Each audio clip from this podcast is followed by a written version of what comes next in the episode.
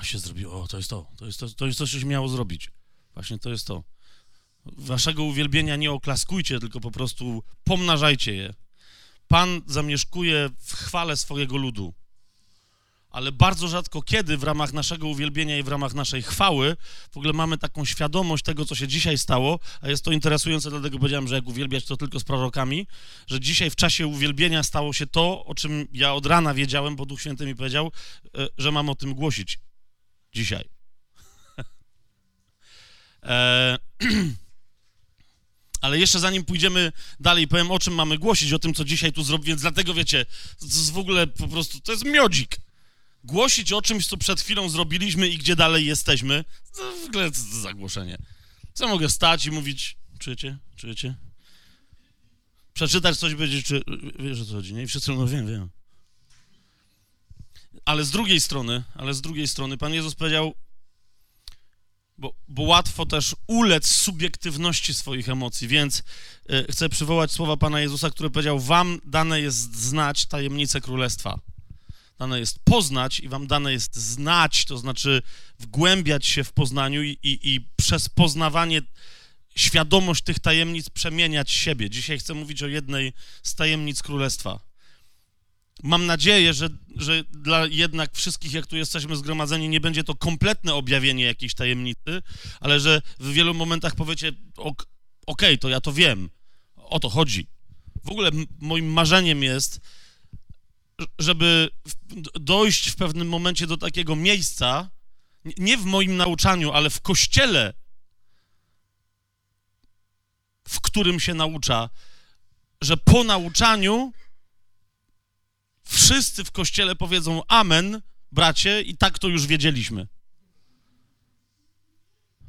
Wiecie o co mi chodzi? Kiedy nauczanie nie będzie służyło temu, żeby się czegoś dowiedzieć, ale temu, czym, czemu ma od początku służyć umocnieniu, pobudzeniu i podniesieniu mocy tych prawd, które są nauczane w nas. Bo my cały czas mamy w kościele, wiecie, głód wiedzy na temat słowa. A teraz mnie chodzi o to, żeby mając wiedzę, ta wiedza przełożyła się w nas na siłę życia. Żeby życie, które jest w nas, przynosiło owoce. Więc żeby wszyscy powiedzieli, amen, bracie, wszystko, co powiedziałeś, to my wiemy. Ale Duch Boży się udzielał w tym, co mówiłeś. I teraz czujemy, że nasze owoce będą słodsze i smaczniejsze dla Pana.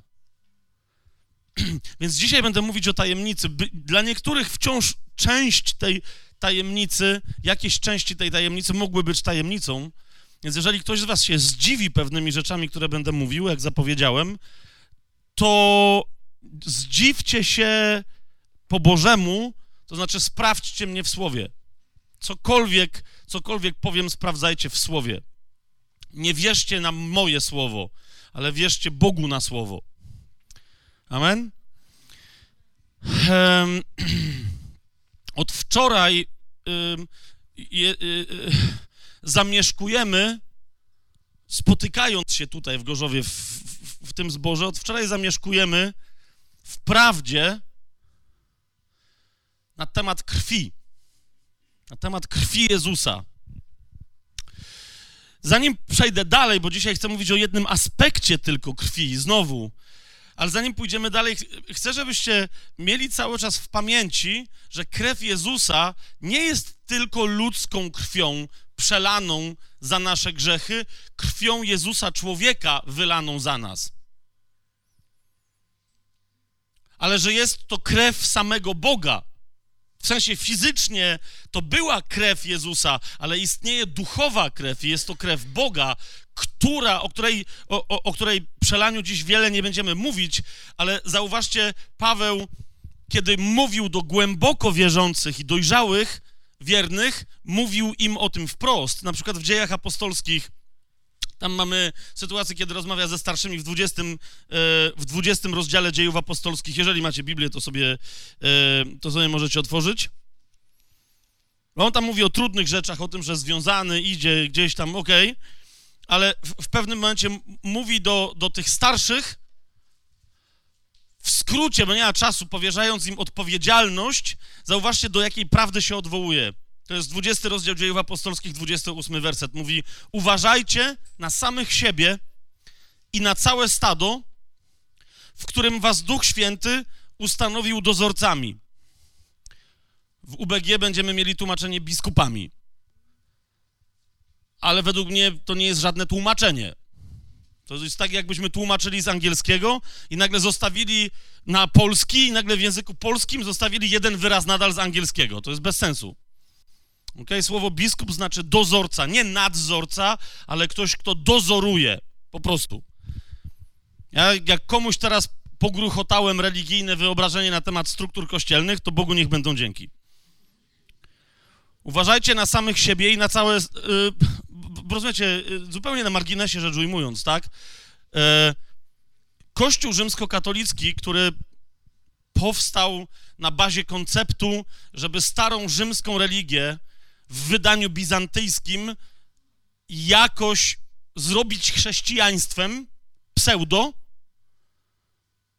wziął pewne terminy biblijne związane z ludźmi, którzy mieli służyć w kościele i te terminy przepisał hierarchii władzy religijnej. Te terminy to jest prezbiter, biskup, biskup, prezbiter i diakon. Ok? Wiecie o co chodzi? W kościele rzymskokatolickim na górze jest biskup, poniżej są księża, czyli prezbiterzy, a poniżej jeszcze są diakoni, czyli wstępni księża, którzy jeszcze nie mogą tego, co księża. To jest to.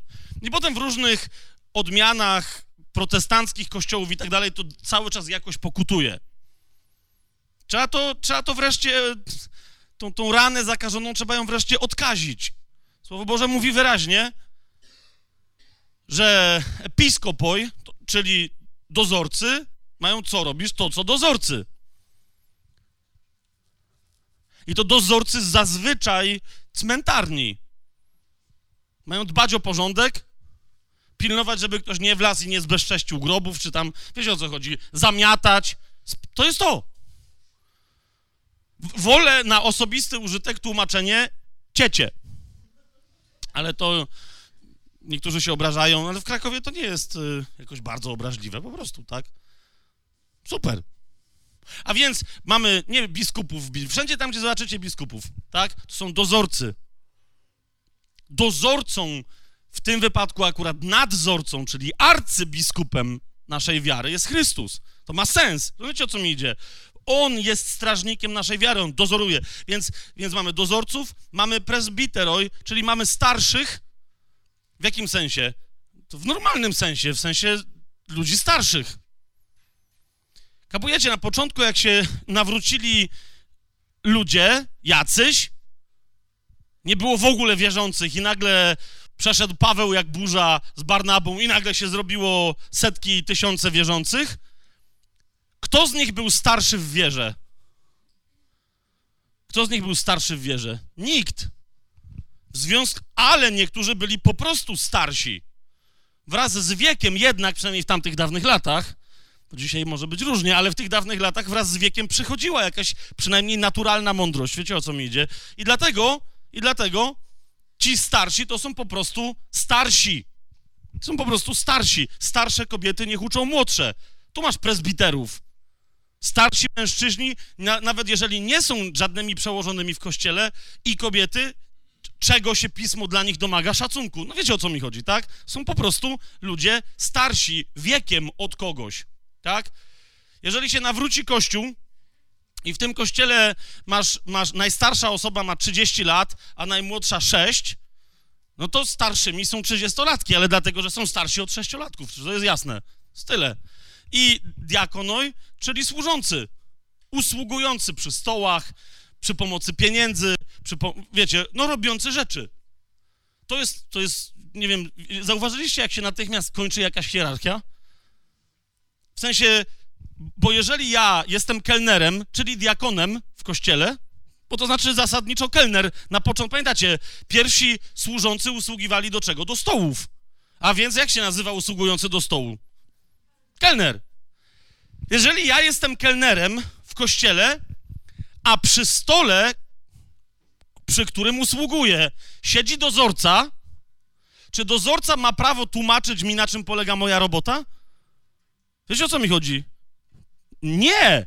Ja jemu nie będę tłumaczył, jak się zamiata korytarz. Ale on niech mi nie tłumaczy, jak się podaje pieczoną kaczkę. Style. Wzajemny szacunek, wzajemna usługa. Ja, starszy Piotr, piszę do was jako starszych. Jedyne, co mogę zrobić, to co? Prosić was. A więc Piotr mówi, proszę was, starszych, ja również starszy. Czy zauważyliście, że on się, że, żeby się wywyższał? Mówi, no, wy jesteście takimi zwykłymi starszymi, lecz ja jestem apostołem, więc biskupem jeszcze lepszej klasy. Nie, mówi, ja, starszy, do was również starszych. Piszę, prosząc was. I tam skracając całą tę myśl, paście stado Boga nie jak ci, którzy nad nim panują, ale jako wzór dla stada. Proste? Dozorca daje wzór dozorowaniem, służący daje wzór służeniem, starszy daje wzór tym, że jako starszy nie zachowuje się jak głupek młodszy. Proste. Zatem wracamy, 20 rozdział dziejów apostolskich, 28 werset. Do tychże Paweł, również starszy, mówi: Uważajcie na samych siebie i na całe stado, w którym was Duch Święty ustanowił dozorcami. Uwaga, abyście paśli Kościół Boga, który on nabył własną krwią. Słyszycie to zdanie? Abyście paśli Kościół czyj? Boga, który to Bóg, ten Kościół nabył czym? Własną krwią. Jest jedna z bardzo, bardzo ważnych tajemnic, że przelanie fizycznej krwi Chrystusa jednocześnie jest posłużeniem się tajemnicą, bo to jest wciąż dla nas absolutna tajemnica, ale do której mamy dostęp, do której życiodajności mamy dostęp. Mianowicie, że krew jest również duchowa. Krew, istnieje taka krew, która jest krwią boską, dosłownie krwią Boga. Amen? I teraz chcę dzisiaj mówić o jednej tajemnicy, a nawet nie o całej, bo się nie da, ale o części tajemnicy tejże krwi Boga, którą jest tajemnica krwi pokropienia lub też tajemnica pokropienia krwią. Chcę dzisiaj mówić o krwi, którą się kropi i o krwi, która ma sama z siebie moc mówienia. W liście do Hebrajczyków w 12 rozdziale, jeżeli sobie chcecie go otworzyć, to jest 12 rozdział od 18 wersetu. Właśnie, i to jest to, co dzisiaj zrobiliście w czasie uwielbienia. To jest to, co dzisiaj zrobiliście. Wczoraj mówiliśmy o krwi i zaczęliście dzisiaj uwielbienie od krwi. Jaka jest moc krwi Chrystusa, jaką mamy wolność. Swoją drogą, kochani, rozumiejcie wolność w jej pełni, tak jak Biblia rozumie wolność. Wolność jest zawsze wolnością od czegoś. Człowiek został uwolniony z jakichś więzów i zawsze jest wolnością do czegoś. Rozumiesz? Jak, jak jesteś w więzach, to na przykład nie możesz ruszyć ręką. Nie, nie możesz. Coś ci powie, ale ci wolno, no ale nie mogę. Uwolnienie daje ci możliwość, ale nadal, nadal fakt, że masz możliwość, jeszcze to nie oznacza, że z niej skorzystasz. Ok? My często koncentrujemy się na krwi Chrystusa i na jej uwalniającej mocy w kontekście tego, od czego ona nas uwolniła. I halleluja, ponieważ to jest chwalebna rzecz, że zostaliśmy uwolnieni od tego, od czego zostaliśmy uwolnieni. Od wiecznej kary, potępienia wiecznego, piekła, od lęku już tutaj na ziemi przed śmiercią, od podległości grzechowi i szatanowi. Tak? To jest to, te, te siły, jesteśmy wolni od nich, ale zawsze pozostaje pytanie, do czego krew Jezusa cię wyzwoliła? Bo często chrześcijanie tu się zatrzymują i tu wielbią, jakby mówią, okej, okay, jestem na mecie. Dobra, to jest meta, uwolnienie od, skończyło się na Kalwarii, ale jednocześnie Kalwaria ma napis start dla tego, który tam to skończył, co zaczął. Eee w 12 rozdziale listu do Hebrajczyków, w 18 wersecie, jest powiedziana następująca rzecz. Zanim dochodzi y, do tej, wymienia rozmaite tajemnice królestwa ten fragment. Paweł tam jest bardzo taki, jakby chciał powiedzieć, dobra, jak jeszcze nie zrozumieliśmy, o czym mówię, to czas najwyższy, żebyście w duchu przestali spożywać mleko i zaczęli jeść pokarm stały Słowa Bożego. Po prostu. List do Hebrajczyków zresztą o tym mówi, już dawno powinniście przestać pić mleko. Wiecie, o co mi chodzi, tak? Mówi, a zacząć, y, y, powinniśmy już dawno odejść od podstaw, a, a zacząć wchodzić w prawdziwe, głębokie tajemnice. No i potem mówi, no ale dobra, to już nic, nic nie zrobię, coś wam powyjaśniam, reszta należy do was. I ja dzisiaj trochę też tak robię. No, to, to, nasze, to, co teraz chcę powiedzieć, ma charakter inspiracyjny dla waszego następnie waszego studium, ale nie tylko studium, ale i praktyki, ponieważ cokolwiek dzisiaj powiem, chcę również wam przedstawić praktyczne, konkretne sposoby zastosowania mocy pokropienia krwią i tego, co, co, co to oznacza i co, co z tego wynika praktycznie dla nas. Ale w osiemnastym wersecie jest powiedziane, bo nie podeszliście do góry, która da się dotknąć i płonącej ogniem, nie podeszliście do mroku, ani ciemności, ani burzy, ani do dźwięku trąby, ani takiego głosu słów, że ci, którzy go słyszeli, prosili, aby już do nich nie mówiono. Pomijam dwa wersety, które słusznie, 20 i 21, które słusznie są w nawiasie, bo tam jest wtrącenie i w 22 wersecie jest kontynuowana myśl, ale wy podeszliście do góry Syjon. Teraz, zanim przejdziemy gdziekolwiek dalej, chcę na jedną rzecz bardzo mocno zwrócić wam uwagę. Jak rzadko my widzimy przedziwność tego sformułowania tutaj. Wy, mówi Paweł do Hebrajczyków, ale to do nas, to jest do całego Kościoła, mówi, wy podeszliście, nie podejdziecie, ale podeszliście do góry Syjon. Co to oznacza? I zauważcie, za każdym razem nawet ten list, kiedy mówi, że coś się dzieje w duchu, to mówi, że to się dzieje w duchu, a on tego nie, do, nie dodaje. Bardzo precyzyjny rabin, który pisze do Hebrajczyków na temat bardzo yy, skomplikowanych momentami prawd biblijnych, posługuje się prostym sformułowaniem: Wy, jako całość, jako Kościół, podeszliście do góry Syjon. Co to znaczy? To znaczy, że do tego, co niedotykalne, bo góra Syjon jest górą duchową, jak i wszystko, cała reszta rzeczy, do, o których po, za chwilę Paweł mówi, że myśmy do nich podeszli, mówi, wy już teraz podeszliście do tej góry fizycznie.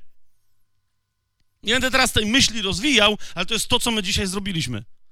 Góra Syjon to jest ta góra Syjon, co się nie porusza z psalmu, tak? Góra Syjon to jest Chrystus zasiadający po prawicy swojego Ojca, po prawicy chwały, jak mówi słowo, na tym samym tronie, na którym siedzi Ojciec. Bo Jezus nie siedzi, zauważcie, w Biblii, jak sprawdzicie, nie siedzi na osobnym tronie, siedzi na dokładnie tym samym tronie, na szczycie szczytów, powyżej którego już nic nie ma. I dlatego, kiedy Chrystus stąpi na ziemię, fizyczna góra Syjon, ktoś z was był w Jerozolimie? Okej, okay. i ktoś wam kiedyś w tej Jerozolimie pokazał, gdzie jest obecna góra Syjon? To się pewnie zdziwiliście, gdzie jest ta góra. W sensie, bo obok, zasadniczo obok tego czegoś, co nie wiadomo nawet, czy jest górą, są inne rzeczy, które ewidentnie są wyżej. Dlatego, że Syjon jest po prostu jednym ze szczycików większej góry, ja nie wiem, to nazwać, pogórza. My mamy w Krakowie podgórze. z czegoś takiego. Ale Słowo Boże mówi, że kiedy Pan przyjdzie, żeby zasiąść na Syjonie, wtedy duchowa rzeczywistość Syjonu stanie się fizyczną rzeczywistością. I co się wtedy stanie? Góra Syjon wyrośnie, dosłownie, fizycznie Słowo Boże mówi, wyrośnie ponad wszystkie inne góry. To będzie nowa Chomolungma, to będzie nowy Monteverest na nowej ziemi. Góra Syjon. Wszystkie inne góry się przy niej wypłaszczą, doliny się podniosą, tylko to jedno miejsce będzie wysokie ponad wszystkie inne możliwe góry na całej ziemi. To jest, I to będzie góra Syjon, stronem, na którym będzie zasiadać nasz Pan, który powróci w swojej chwale razem z nami na ziemię. Jezus Chrystus, ta góra Syjon, dopiero ta góra jest górą, co się nie porusza. Ta góra nigdy się nie zmieni, rozumiecie? Zostanie na wieki dokładnie taka sama. Ta nowa topografia, geografia, mamy geodet, geo, geo, sejsmologa, on tam wam wyjaśni, co się zmieni dokładnie, czy to jest topografia, czy geometria, czy co tam się... Ale zmieni się, jak już się zmieni, to nowa Ziemia pozostanie tak, jak zostanie stworzona, pozostanie niezmienna, tak jak zostało to zapowiedziane. Natomiast my teraz fizycznie już podchodzimy do tej góry, która jest duchowa, której się nie da dotknąć, ale my fizycznie, kiedy wielbimy, i myśmy to dzisiaj zrobili, o to mi chodzi. Myśmy to dzisiaj zrobili, to jest podejście przez krew Chrystusa przed sam majestat Boży, twarzą w twarz. To, to jest, to, oto jest rzecz, którą, rozumiecie, której zazdrościli, niektórzy nawet nie zazdrościli, tylko się przerażali. Ale później, w sensie Izraelici nie zazdrościli Mojżeszowi, że on widzi Boga twarzą w twarz. Jak oni widzieli skutek tego widzenia Boga twarzą w twarz, pamiętacie, że Mojżeszowi się twarz świeciła, to oni się tak bali tego świecenia jego twarzy, że to może być nadal świecenie boskie, że Mojżesz, żeby ich nie straszyć, to się zasłaniał, jakby był trendowaty. Inni później zazdrościli, jakże bardzo chcielibyśmy znać Boga w ten sposób twarzą w twarz.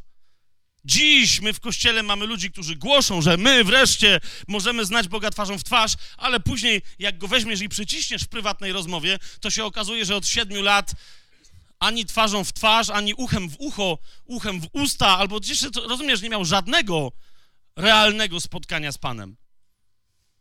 A co i osobiście, a co dopiero jako Kościół. Więc jeszcze raz wam mówię, bądźcie wdzięczni Bogu za takie uwielbienia, jak tu dzisiaj mieliście, bo rozumiem, że one nie są wyjątkowe. Rozumiem, że one nie są wyjątkowe.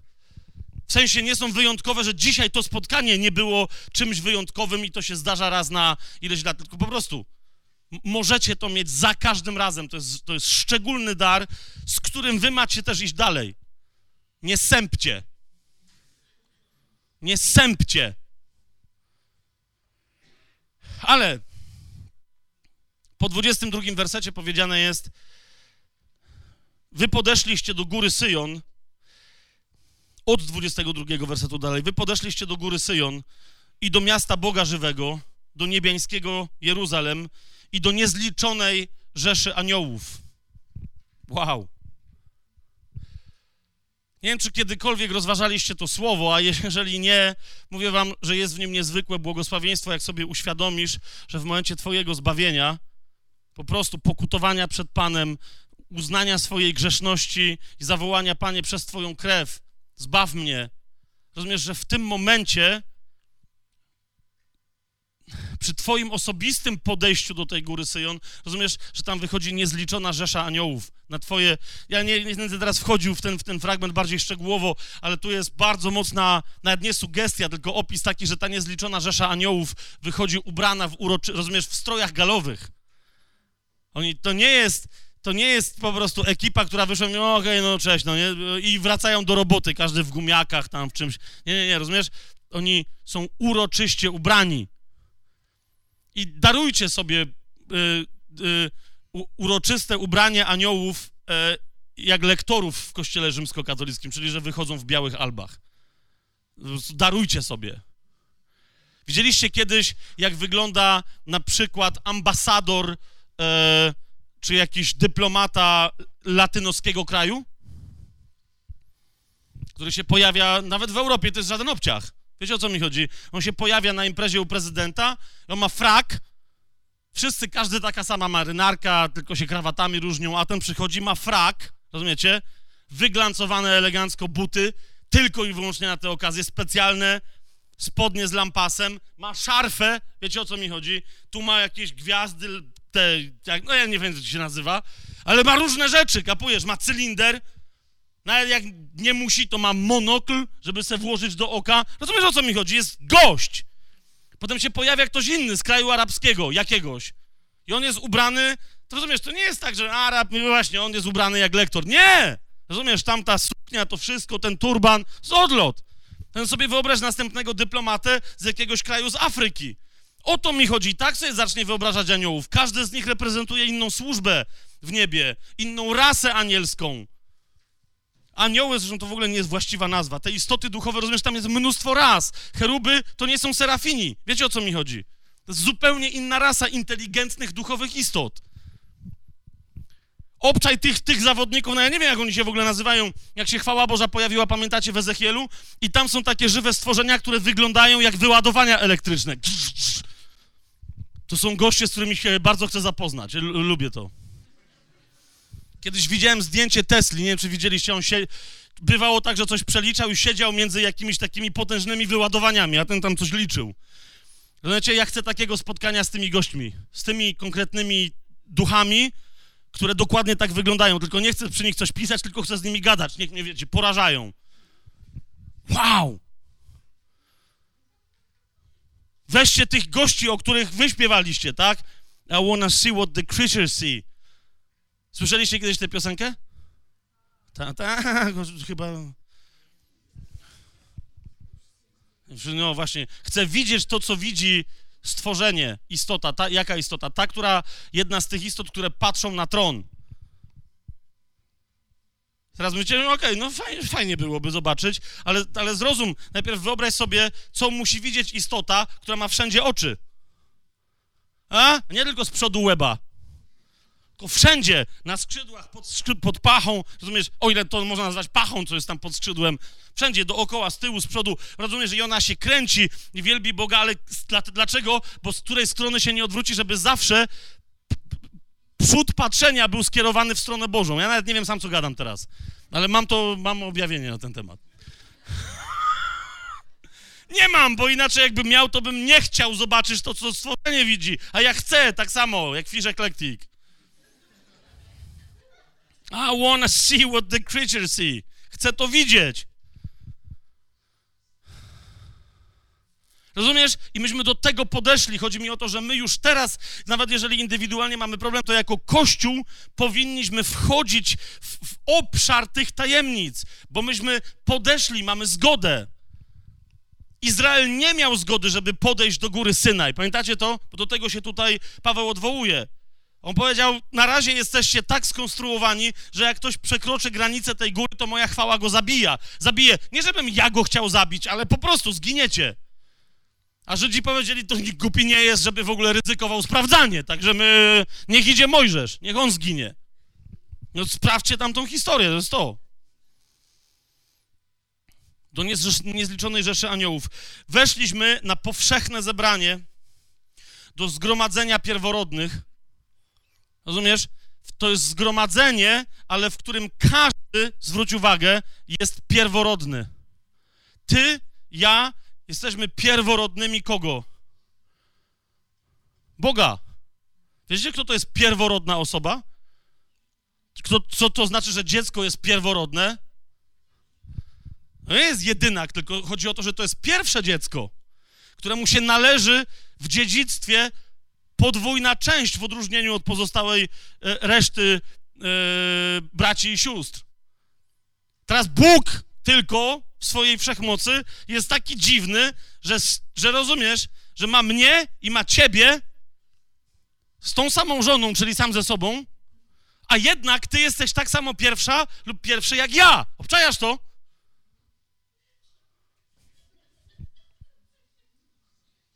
Trochę czasem mówię jak Kuba Kamiński, ale to ja go lubię. Masz. Myślałem, że to fanki, a tu fani.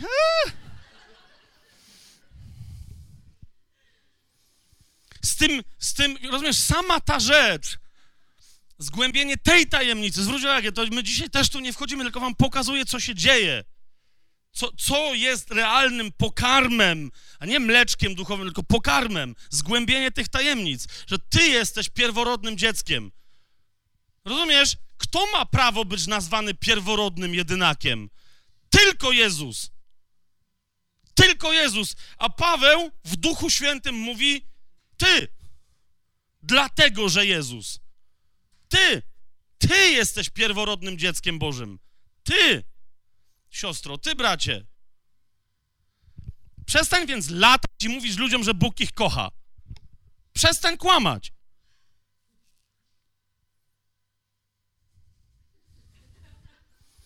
Kłamstwo nie jest w tym, że mówisz, że Bóg ich kocha. Kłamstwo jest w samym fakcie, że ty masz czelność mówić im na temat ich relacji z Bogiem. Mówimy o swojej. Dalej nie łapiecie. Lataj wszędzie i mów: Bóg mnie kocha! Kumasz?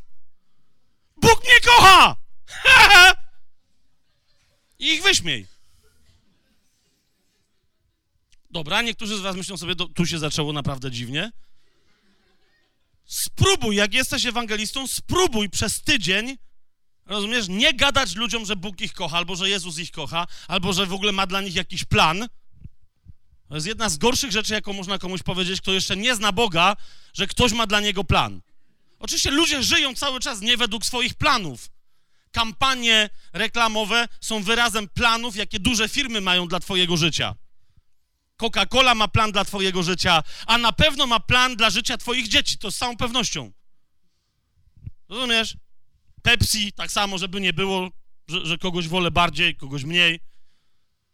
Oni, rozumiesz, ale, ale oczywiście każdy udaje, że ja żyję tak jak chcę, więc jak ty przylecisz do niego, powiesz Bóg ma plan dla twojego, no jeszcze następny się wtrenił. Przyl, ale mówię ci, zrób sobie eksperyment. Przyjdź jak pierworodny i powiedz komuś, kto się jeszcze nie urodził, że Bóg ciebie, Bóg mnie kocha. Przyjdź i powiedz mu, Bóg mnie kocha.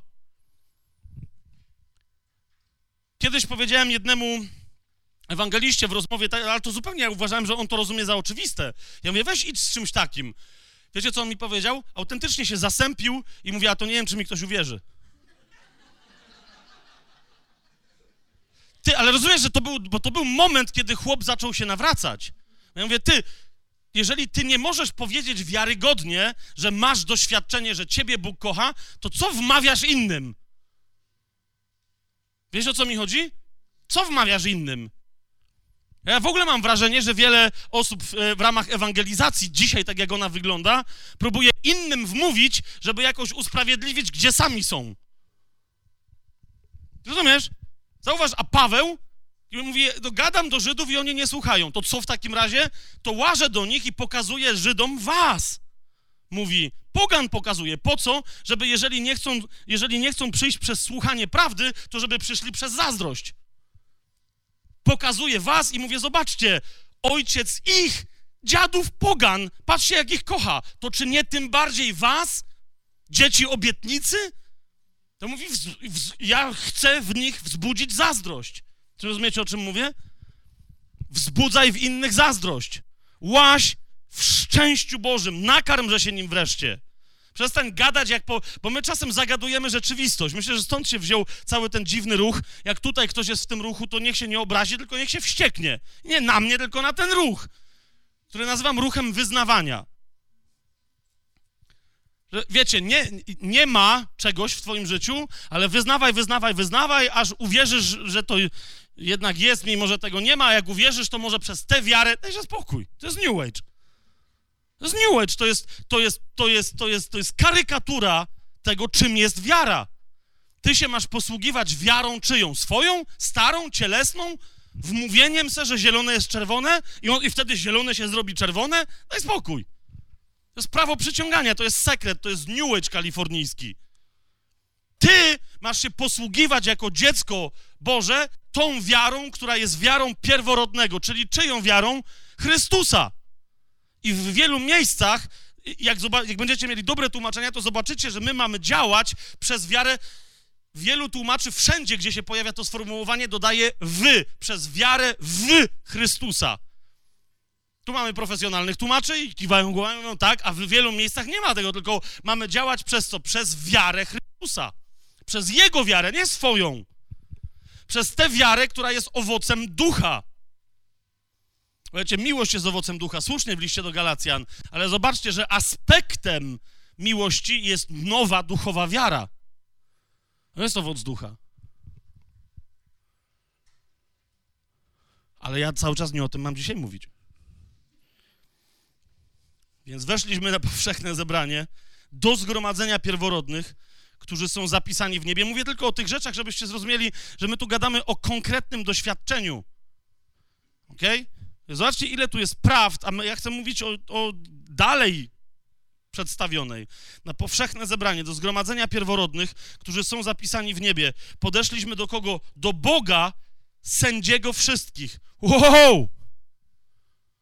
Zauważyliście, że jako rzecz chwalebną, cudowną i pełną, która powinna nas przepełnić radością jest, że podeszliśmy nie do tatusia. Wczoraj, jeszcze raz muszę powiedzieć publicznie, bo mnie zapytał nawet pastor wasz, yy, yy, bardzo mądry i...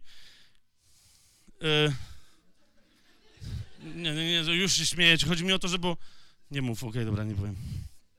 Nie, nieważne. Bardzo mądry pastor, ale jednak wczoraj zapytał mnie delikatnie, mówi, wiesz co, Fabian, bo ja rozumiem, co ty mówiłeś wczoraj, żeby za bardzo jako mężczyzna do ojca nie latać jako do tatusia, ale ja mimo wszystko trochę część tej relacji mam jednak z nim jako statusem. Także dogadaliśmy się, że nie, to już takie poważne chłopy jak my, to, to jak już mają tę relację poważną z ojcem jako z ojcem, to czasem jak nikt nie widzi, możemy też z nim tatuś. Ale to... Natomiast tu jest wielu młodych mężczyzn, którzy jak chcą doświadczyć miłości, bo wczoraj mówiłem do młodych mężczyzn, jak chcą doświadczyć miłości, zapomnijcie na razie o ojcu jako o tatusiu.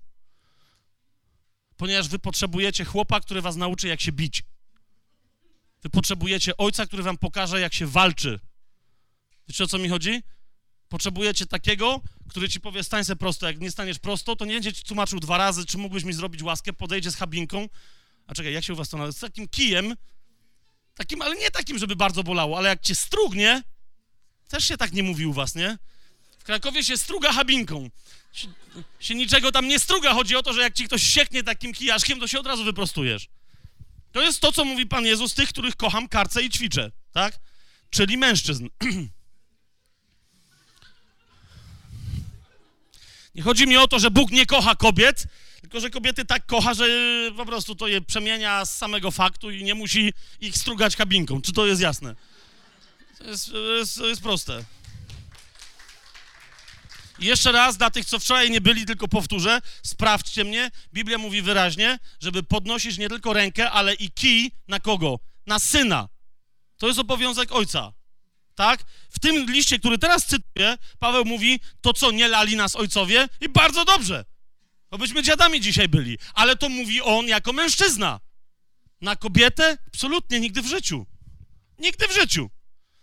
Córka powinna widzieć, dlatego przede wszystkim córka powinna mieć rodzeństwo, czyli brata. I powinna widzieć raz na jakiś czas, jak brat jest przeprowadzany. Dobra, okej. Okay. Bo znowu się zacznie temat, że każe bić dzieci. Może nie dziewczynki, ale jednak chłopców. Dobra, zostawmy ten temat. Przepraszam was, to był mały trolling z mojej strony. Okej, okay. ale w każdym razie zbliżyliśmy się do Boga, który jest sędzią, zauważyliście to? I dla Pawła to jest cudowna nowina. Dlaczego? Ponieważ na szczęście nie tylko i wyłącznie do Boga jako sędziego wyłącznie się zbliżyliśmy, ale zbliżyliśmy się do Boga, sędziego wszystkich, do duchów sprawiedliwych, uczynionych doskonałymi i, uważajcie, i do pośrednika nowego przymierza, Jezusa, to zmienia wszystko. To zmienia postać rzeczy. To, znaczy, to nie zmienia Boga, ale to zmienia naszą możliwość zbliżenia się do tego Boga. Do pośrednika nowego przymierza Jezusa, do krwi, którą się kropi, a która mówi lepsze rzeczy niż Abla. I o tym dzisiaj chcę mówić. O krwi, którą się kropi, a która mówi lepsze rzeczy niż Abla. Dlaczego? Jeszcze raz. Przede wszystkim dlatego, że mnóstwo osób uważa, że ta krew, którą się kropi, o której tutaj mówi Paweł, to jest po prostu krew, która na nas spada, kiedy się nawracamy. To jest krew usprawiedliwienia tylko i wyłącznie. Kiedy przychodzimy do Chrystusa, tak jak mówi Paweł w liście do Rzymian, że przez wiarę w tę krew mamy usprawiedliwienie. to jest prawda. I to jest prawda że tak, to jest część prawdy o tej krwi, którą się kropi, ale to nie jest cała prawda. Jeżeli tylko pozostaniemy z krwią, jako krwią, która kiedyś nas zbawiła, która kiedyś coś dla nas zrobiła, no to, to, to jesteśmy pogubieni. Dlaczego? Otwórzmy sobie pierwszy y, list Piotra, Piotr dużo mówi o krwi, ale ma tam jeden wyjątkowy moment, gdy chodzi o pokropienie. Zaraz na wstępie, to jest pierwszy list Piotra, pierwszy rozdział. Mamy tam pozdrowienie Piotra, on mówi wyraźnie, najpierw jest nadawca, potem jest odbiorca. Wszystkie listy się zaczynają w starożytności od zaznaczenia w tekście listu, kto jest nadawcą i kto jest odbiorcą. A więc nadawca, Piotr, to jest od pierwszego wersetu, Piotr, apostoł Jezusa Chrystusa, do wychodźców rozproszonych w Poncie, Galacji, Kapadocji, Azji i, Bi i. To, to, to jest odbiorca tego listu. Ale jednocześnie mówi, ale zaraz, ale nie do wszystkich wychodźców, lecz do tych, którzy są jacy? Wybrani. I w jaki sposób, uważajcie na to, to jest drugi werset, do wybranych według uprzedniej wiedzy Boga, Ojca, przez uświęcenie ducha, a więc rozumiesz, do ludzi, którzy z woli Ojca zostali przeznaczeni do zbawienia, wszyscy są, nie będziemy, to nie, nie, nie mówię teraz o predestynacji, tak, ale którzy doświadczyli zbawienia, którzy weszli na drogę uświęcenia, a po co weszli na tę drogę? Zauważcie, co tu jest napisane. Przez uświęcenie ducha dla posłuszeństwa i pokropienia krwią Jezusa Chrystusa. Wow! A więc jesteśmy zbawieni przez krew Chrystusa, ale jednocześnie na drodze uświęcenia, jako już nowonarodzone istoty, nadal mamy się charakteryzować czym? Posłuszeństwem, posłuszeństwem i pokropieniem krwią. Rozumiecie o co idzie? Pokropienie krwią jest tajemnicą ludu Bożego, który idzie jako lud Boży nowonarodzonych istot, nowych stworzeń. Dlatego potrzebujemy wiedzieć, czym jest ta krew pokropienia, o której mówi list do Hebrajczyków, 12 rozdział, 24 werset. Zanim przejdziemy dalej, chcę o jednej rzeczy wspomnieć, e, która nam wiele rozjaśni. Mianowicie Słowo Boże mówi, że podeszliśmy do Jezusa i do krwi. Swoją drogą, już wam teraz zwracam uwagę, jak często Jezus jak w zasadzie zawsze Jezus po swojej śmierci jest w pewnym sensie jakby oddzielany od swojej krwi. Zwróćcie na to uwagę, ale do tego jeszcze wrócimy. Więc podeszliśmy do Jezusa, do krwi, którą się kropi, a która mówi lepsze rzeczy niż Abla. Jeżeli macie na przykład tłumaczenie UBG, to macie y, tekst, który mówi, że, że ta krew mówi lepsze rzeczy niż krew Abla, ale krew jest napisana pochyłym drukiem. Ktoś z was ma UBG? Okej, okay, ale kto ma UBG, to zobaczy, że tu jest a, a kto ma Warszawkę? Co tam jest napisane? Niż krew Abla. Tam nie ma tego słowa. Krew Abla nie ma tego słowa, tylko jest dosłownie powiedziane do krwi pokropienia, które mówi lepsze rzeczy niż Abla. Słyszycie, co powiedziałem teraz? Wiele osób na to zwraca uwagę, że nie chodzi o krew, że jest jedna krew, która mówi lepsze rzeczy. Dlaczego?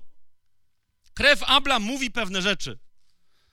Chcę wam na coś zwrócić uwagę. W Księdze Rodzaju w czwartym rozdziale jest powiedziane, Bóg mówi wyraźnie, że krew Abla coś mówi. To jest czwarty rozdział. Pamiętacie, Kain go zabił, tak? Pojawia się Bóg u Kaina. To jest czwarty rozdział Księgi Rodzaju, czyli pierwszej Mojżeszowej. I pyta Kaina, to jest czwarty rozdział, dziesiąty werset. Cóż uczyniłeś? po tym jak zamordował swojego brata, mówi: Cóż uczyniłeś? Głos krwi twojego brata woła do mnie z ziemi. Czy Słowo Boże mówi, co ta krew woła do Boga? Nie. Ale tak was zapytam, czy będziemy daleko od prawdy, jak powiemy, że to, co krew Abla wołała do Boga, nie było zbyt dobre na temat Kaina?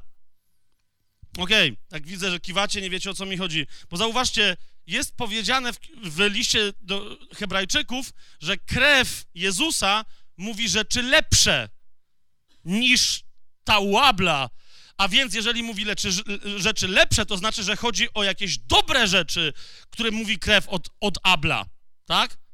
Teraz się pytam, no w tym wypadku, czy ta krew, którą przelał Kain, krew Abla, czy ona wołała dobre rzeczy? wskutek tego jej wołania, zobaczcie, jedenasty werset, zaraz po dziesiątym, kiedy Bóg mówi, głos krwi twojego brata woła do mnie z ziemi, Bóg mówi, teraz więc będziesz przeklęty na ziemi, która otworzyła swoje usta, aby przyjąć krew twojego brata przelaną przez twoją rękę. Słowem Bóg mówi, wysłuchuje głosu tej krwi, która woła z ziemi, bo ziemia otworzyła swoje usta, pochłonęła tę krew i teraz otwiera usta, żeby krew mogła do mnie mówić, a ta krew woła o co? Żebyś ty był przeklęty. Ponieważ jeszcze nie ma zdjęcia przekleństwa, to jesteś. Zwróćcie uwagę, mamy taki fragment w Księdze Objawienia, to jest koniec, bo to jest początek Biblii, tak? Na końcu Biblii mamy taki fragment, w którym widzimy, że po prostu e, wołanie krwi niesprawiedliwie rozlanej zawsze jest wo wołaniem o sprawiedliwość. Mamy świętych, których krew została niesprawiedliwie rozlana przez nierządnicę babilońską, czy komuś, kto jej, kto jej służy. W szóstym rozdziale, yy, jeżeli się teraz nie mylę, yy, tak, w szóstym rozdziale Księgi Objawienia mamy taki fragment, w którym yy, pojawiają się dusze. To jest szósty rozdział Księgi Objawienia, dziewiąty werset. Widziałem pod ołtarzem dusze zabitych z powodu Słowa Bożego i świadectwa, które złożyli. Widzicie, że to są święci zabici niesprawiedliwie. Amen?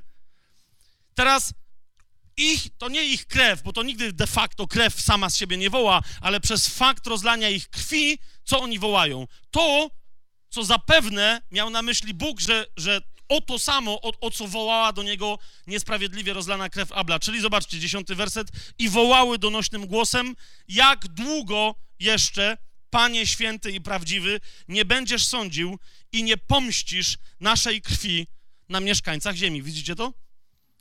Krew niesprawiedliwie rozlana, jej obowiązkiem jest wołać o pomstę do nieba. Czy to jest jasne? No okej, okay, niektórzy powiadają, ale wołanie o sprawiedliwość jest czymś dobrym. Zatem krew Abla wołała o sprawiedliwość, a krew Jezusa, no właśnie, też wołała o sprawiedliwość, tylko w zupełnie nowy sposób. Niemniej, jak wrócimy do księgi rodzaju, czyli pierwszej Mojżeszowej, do czwartego rodzaju, chcę Wam zwrócić uwagę, że istnieją dwie, dwa rodzaje krwi, które należą do Abla. Jedna krew to jest krew samego Abla rozlana przez Kaina, ale druga krew to jest krew Abla, którą on przelał w ofierze dla Boga, co rozsierdziło Kaina i rozlało jego własną krew. Mianowicie, co rozsierdziło Kaina? Że Abel złożył ofiarę i ta ofiara podobała się Bogu, a Kainowa nie. Dla, I to mamy całą osobną historię, dlaczego ofiara Kaina nie podobała się Bogu i dlaczego Bóg był taki chamski, że Abla wzięła. Po prostu Abel złożył ofiarę zgodnie z wolą Bożą, a Kain złożył se swoją ofiarę, wymyślił swoją religię. Nie będziemy teraz rozważać, dlaczego tak było, ale dlatego po prostu Bóg tej ofiary drugiej nie przyjął. W czwartym rozdziale Księgi Rodzaju, jeszcze raz, yy, czyli w pierwszej Mojżeszowej, na temat ofiary, którą złożył Abel, Mamy jedno proste zdanie, ale ono wiele mówi. Mianowicie Abel przyniósł z pierworodnych swojej trzody i z ich tłuszczu, a Jahwe wejrzał na Abla i jego ofiarę. Jeżeli przyniósł z trzody, to co przyniósł? Baranka. Jeżeli złożył Bogu ofiarę, to co zrobił? Zabił go i przelał jego krew. Zauważcie, że tego nie zrobił yy, obrońca praw zwierząt Kain. Teraz, to było trochę chamskie, co powiedziałem, e, ale chodzi o to, że my nie bardzo wiemy, dlaczego Kain nie chciał zrobić tego samego.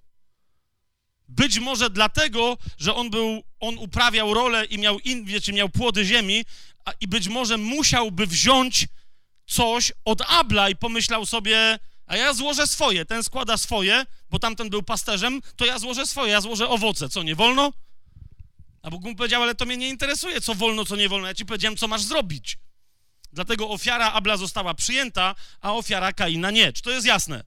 Ofiara Abla, która była rozlaniem krwi. Teraz dlaczego uważam, że nawet jeżeli ofiara Ablowej krwi, którą Kain rozlał, nawet jeżeli ona, ta krew coś mówi, to ta ofiara, którą złożył Abel, mówi jeszcze głośniej ponieważ taki mamy komentarz w liście do Hebrajczyków. Wróćmy tam. Dla tych z Was, którzy już się może trochę pogubili, zaraz mówię, wylądujemy w dobrym miejscu. Ok? Ale zrozumcie, to nie jest mleko. Ok? To jest pokarm stały. Paweł zakłada, że my przeprowadzamy, zwłaszcza, że ja teraz nie wejdę jakby w jeszcze drugi, trzeci i czwarty poziom tych znaczeń. Jesteśmy tylko w podstawowym znaczeniu tego, co mówi Paweł. Otóż w 11 rozdziale listu do Hebrajczyków, nie na temat tego, że Kain zabił Abla, ale na temat tego, jaką ofiarę złożył Abel z baranka, mamy powiedziane następującą rzecz. To jest 11 rozdział listu do Hebrajczyków, czwarty werset. Przez wiarę Abel złożył Bogu ofiarę lepszą niż Kain. Widzicie to? To była ofiara rozlania krwi. Dzięki czemu otrzymał świadectwo, że jest sprawiedliwy, bo Bóg zaświadczył o jego darach. Przez nią też, przez tę ofiarę, choć umarł, dalej mówi. Widzicie to? A więc przez o, krew ofiary, jaką złożył Abel, jaką Abel składał Bogu, Abel dalej mówi. Rozumiecie, o co mi idzie? I nawet jeżeli jego własna krew woła o sprawiedliwość, to krew, którą on rozlał, a potem został zabity, mówi: Ja, Abel, byłem sprawiedliwy. To jest to, co woła cała krew związana z Ablem. I teraz, czym jest pokropienie krwią? List do Hebrajczyków, 12 rozdział. Ponieważ zbliżamy się do krwi, którą się kropi, a która mówi lepsze rzeczy niż Abla. Lub też w innym tłumaczeniu, według mnie znacznie lepszym, zbliżamy się do krwi pokropienia, które mówi lepsze rzeczy niż Abla. Krew Abla skropiła ziemię, wołała o sprawiedliwość, która miała polegać tylko na pomście Bożej, na karze dla tego, który uczynił nieprawość.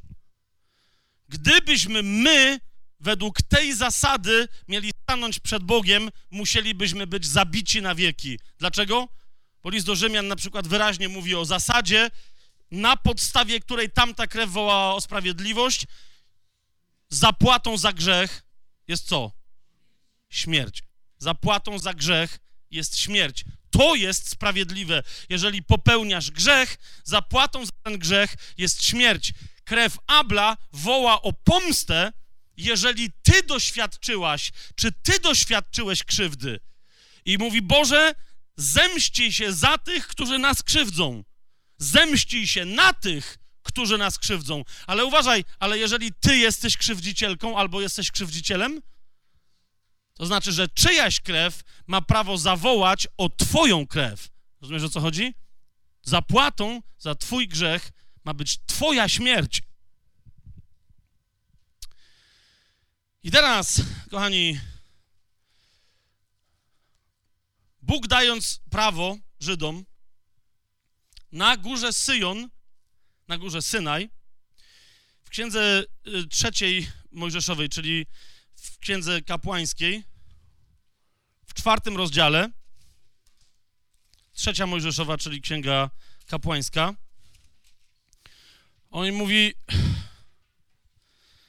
wy raz zostaliście pokropieni krwią.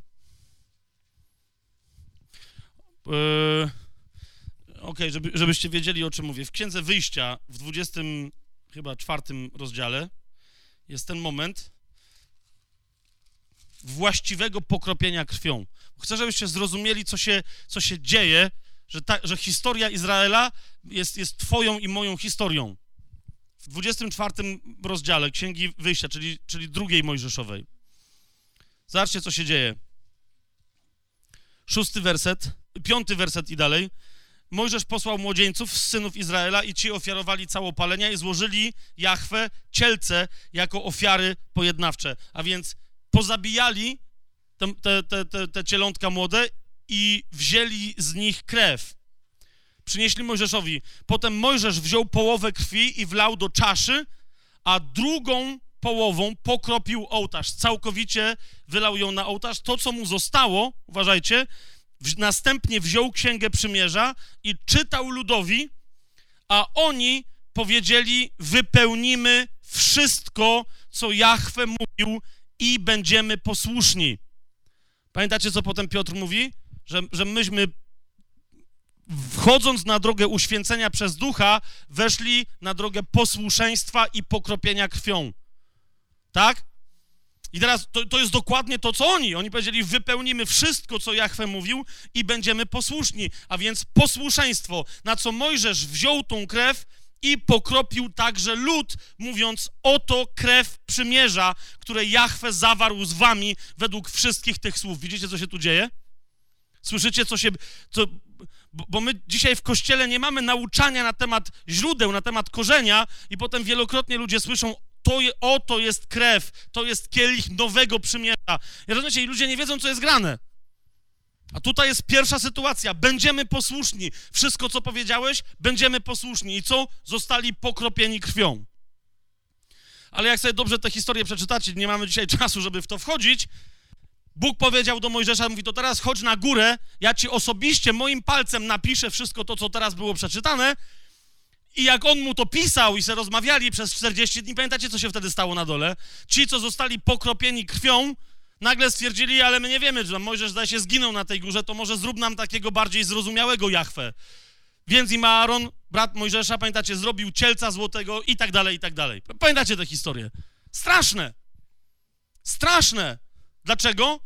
Sprawdźcie sobie chociażby w księdze, w piątej Mojżeszowej, w księdze powtórzonego prawa, na co się zgodzili Izraelici. Powiedzieli, że wypełnimy wszystko, więc liczyli na to, że co na nich stąpi? Błogosławieństwo, ale jednocześnie poczytajcie, na co się zgodzili, gdyby złamali to, czemu postanowili być posłuszni. Ile tam jest konkretnych, przerażających przekleństw, które miały na nich spać, spaść, zanim jeszcze umrą. Zanim. Więc rozumiecie, to, to, nie jest, to, to nie jest jakaś bagatelka, jeżeli w pewnym momencie, sądząc Syna Bożego, namówili najbardziej religijni ludzie wszechczasów, tamten tłum, żeby krzyczał co? Krew Jego na nas i na nasze dzieci. Popatrzcie na Izraela od tamtego momentu, od tamtego wołania. Krew Jego na nas i na nasze dzieci. Aż do dzisiaj. Popatrzcie na Żydów.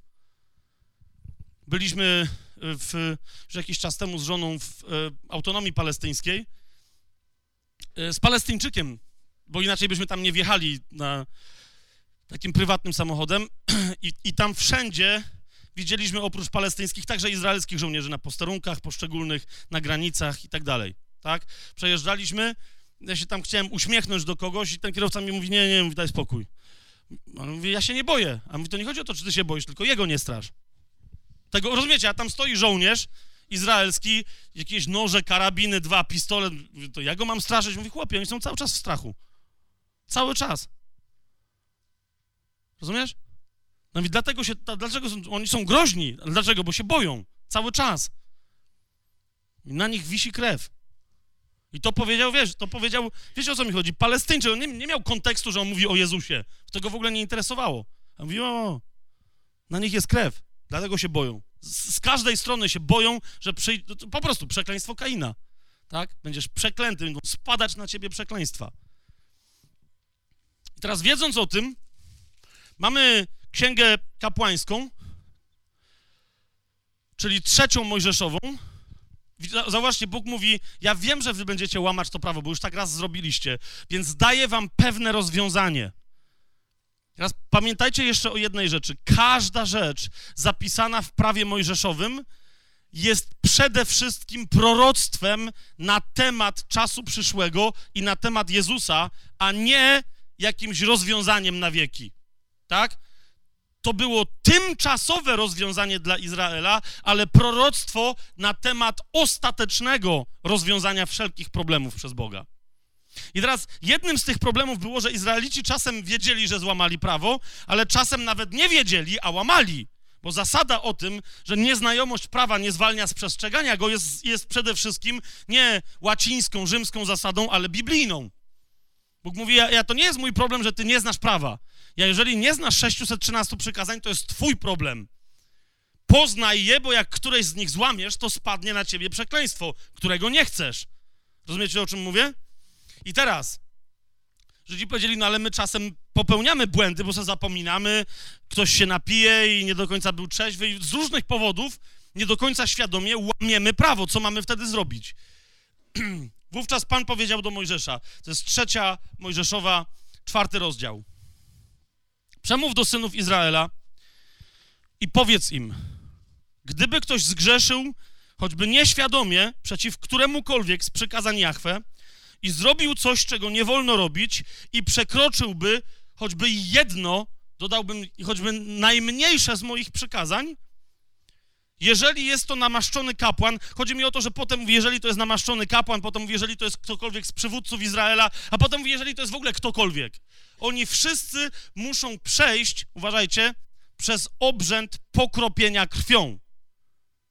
Ale pamiętajcie, okay, jeżeli list do Hebrajczyków mówi, że my przystąpiliśmy do właściwego pokropienia, to znaczy, że w tej zapowiedzi zawarta jest prawda na temat naszego pokropienia. Jaka? Więc mówi, jeżeli jest to namaszczony kapłan, zgrzeszył i on zgrzeszył jak ktoś z ludu, niech złoży Jachwę za swój grzech, którego się dopuścił, młodego cielca bez skazy jako ofiarę za grzech. Jak ma to zrobić? Niech przyprowadzi tego cielca przed wejściem do namiotu zgromadzenia Pana, położy rękę na głowie tego cielca. Nawiasem mówiąc, kiedy my się modlimy za innych, to jest dokładnie, rozumiecie, powtórzenie tego gestu.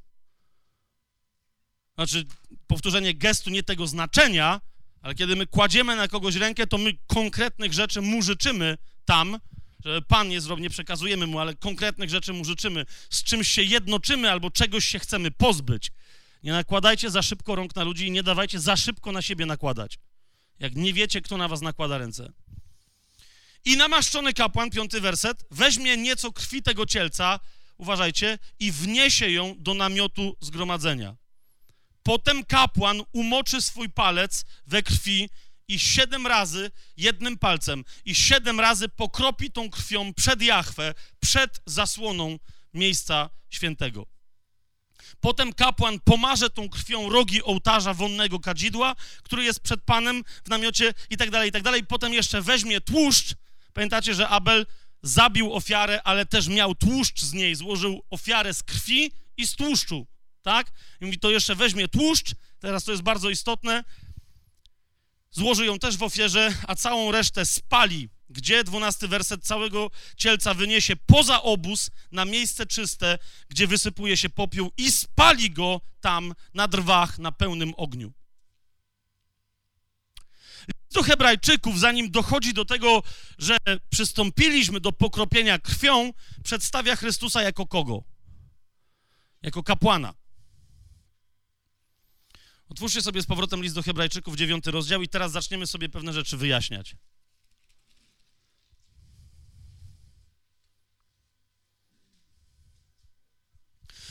Dlaczego się odwołałem, bo ktoś powie, że jest wiele ofiar zagrzesznych w Biblii. Dlaczego się akurat odwołuje do tej, w której jest pokropienie krwią siedmiokrotne? Ponieważ do tej ofiary dokładnie odwołuje się autor listu do Hebrajczyków. W dziewiątym rozdziale listu do Hebrajczyków, w siódmym wersecie mówi, do, no mniejsza o to, tam jest cały kontekst, mówi, że sam najwyższy kapłan wchodzi i to nie bez krwi, którą ofiarowuje za siebie i za grzechy niewiedzy ludu. Widzicie to?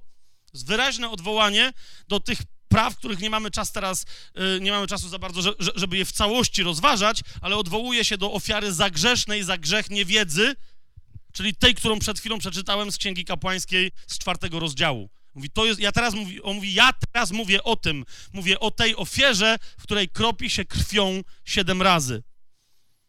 I teraz ósmy werset, on mówi w ten sposób, a więc tamten opis, tamta zasada, tamten obrzęd czemu służyły?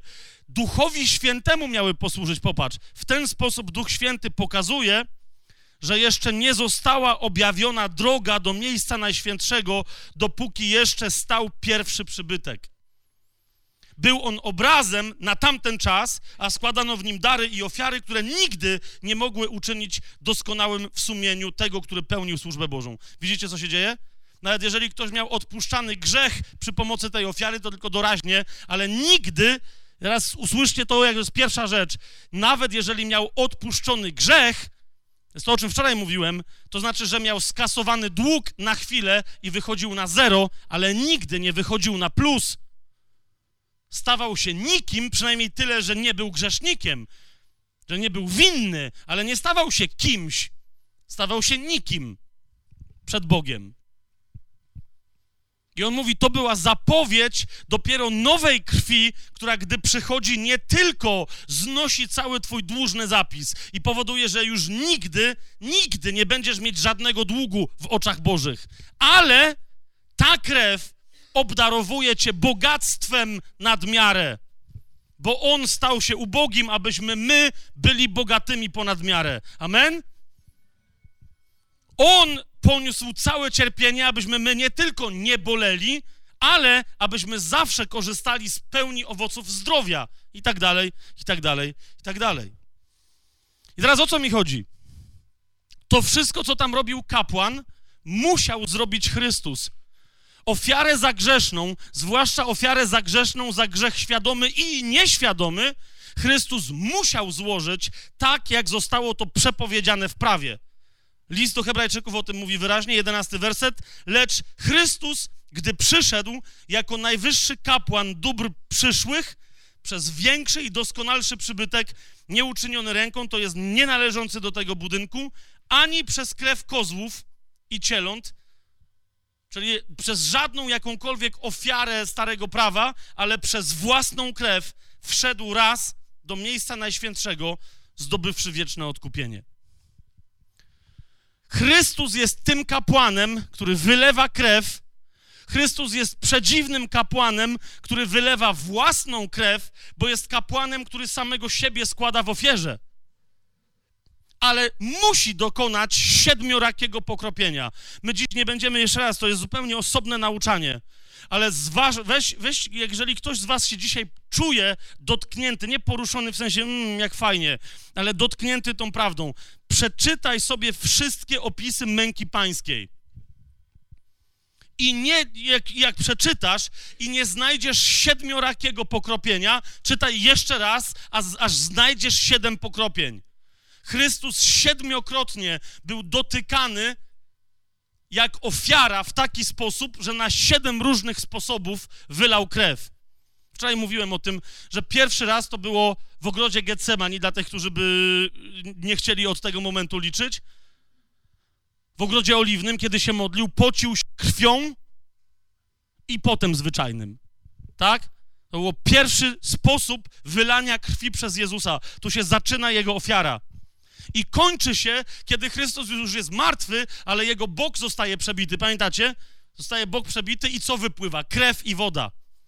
Powiedziałbym, resztka krwi, koniec krwi, która miała być przelana, bo wykonało się i woda. Zaczęło się od wody i krwi, bo Jezus się pocił potem i krwią i skończyło się wodą i krwią, ponieważ popłynęły krew i woda z jego boku.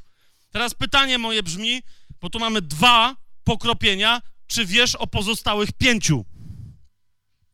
Więc przyjrzyj się im dobrze, ponieważ każde z nich ma swoje znaczenie. Myśmy wcześniej znali tylko tajemnicę, że Chrystus miał pokropić siedem razy, żeby grzech każdy raz na zawsze ostatecznie mógł być usunięty. Ale teraz w jaki sposób ty możesz aplikować tę krew do konkretnej służby, na przykład w modlitwie wstawienniczej, albo w swoim życiu, kiedy masz problem z jakimś grzechem? Jak aplikować tę krew? Jeszcze raz, przyjrzyj się siedmiorakiemu wylaniu krwi Chrystusa. Ale chcę teraz powiedzieć rzecz jeszcze głębszą, jeszcze, to niektórych może z was teraz, co powiem, przestraszyć. Lecz, ja nie wiem, jak to fizycznie wyglądało, ale bym się nie zdziwił, gdyby tak było.